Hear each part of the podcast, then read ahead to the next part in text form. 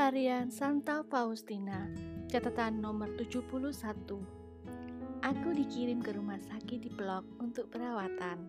Dan di sana aku mendapat tugas istimewa untuk menghias kapel dengan bunga-bunga. Pernah terjadi di Biala. Suster Tekla tidak selalu mempunyai waktu untuk tugas ini. Maka sering kali aku menghias kapel sendirian. Pada suatu hari, aku memetik mawar-mawar yang paling indah untuk menghias ruang seseorang. Ketika aku mendekati serambi, aku melihat Yesus berdiri di sana.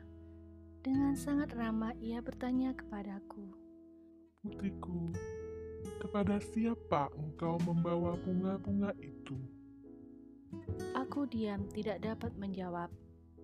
Sebab seketika itu juga aku baru sadar bahwa aku telah memiliki keterikatan tertentu dengan orang ini yang tidak kuperhatikan sebelumnya. Dan tiba-tiba Yesus menghilang. Seketika itu juga aku melemparkan bunga-bunga itu ke tanah dan aku pergi ke hadapan sakramen Maha Kudus. Hatiku dipenuhi rasa syukur karena rahmat kesadaran yang kuterima.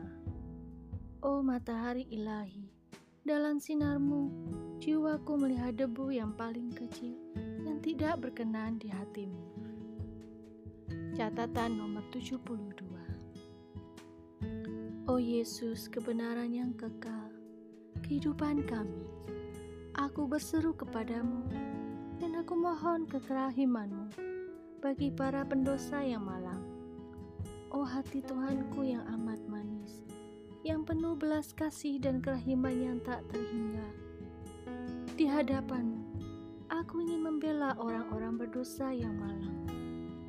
Oh hati yang maha kudus, sumber kerahiman darimu, memancar sinar rahmat yang tak terselami atas seluruh umat manusia.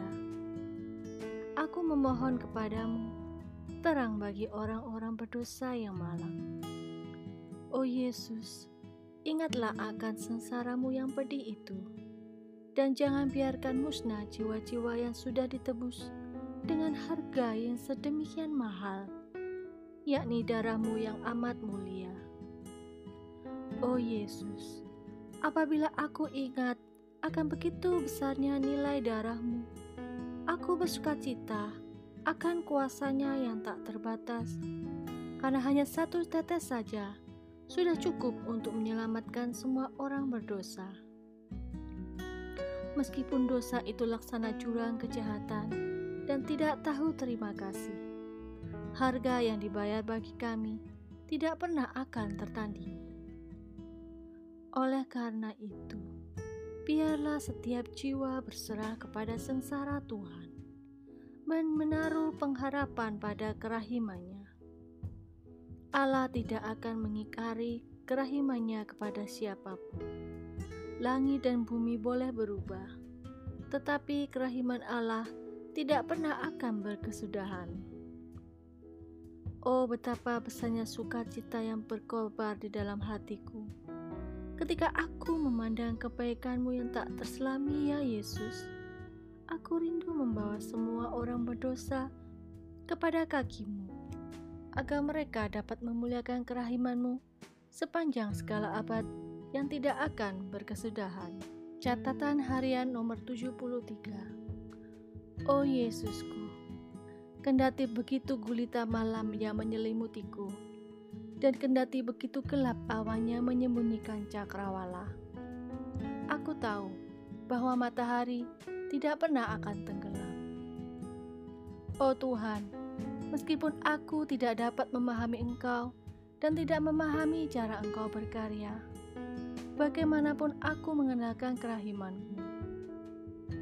Kalau menang sudah menjadi kehendakmu Tuhan, bahwa aku selalu hidup dalam kegelapan yang sedemikian pekat, terpujilah Engkau. Hanya satu hal yang aku minta darimu ya Yesus, jangan biarkan aku menyakiti Engkau dengan cara apa pun. Oh Yesusku, hanya Engkaulah yang mengetahui kerinduan dan penderitaan hatiku. Aku bersuka cita karena aku dapat menderita bagimu. betapapun kecilnya. Apabila aku merasa bahwa penderitaan itu lebih berat daripada yang dapat aku tanggung, aku akan bernaung kepada Tuhan dalam sakramen Maha Kudus, dan aku akan berbicara dengannya dengan keheningan yang mendalam. thank you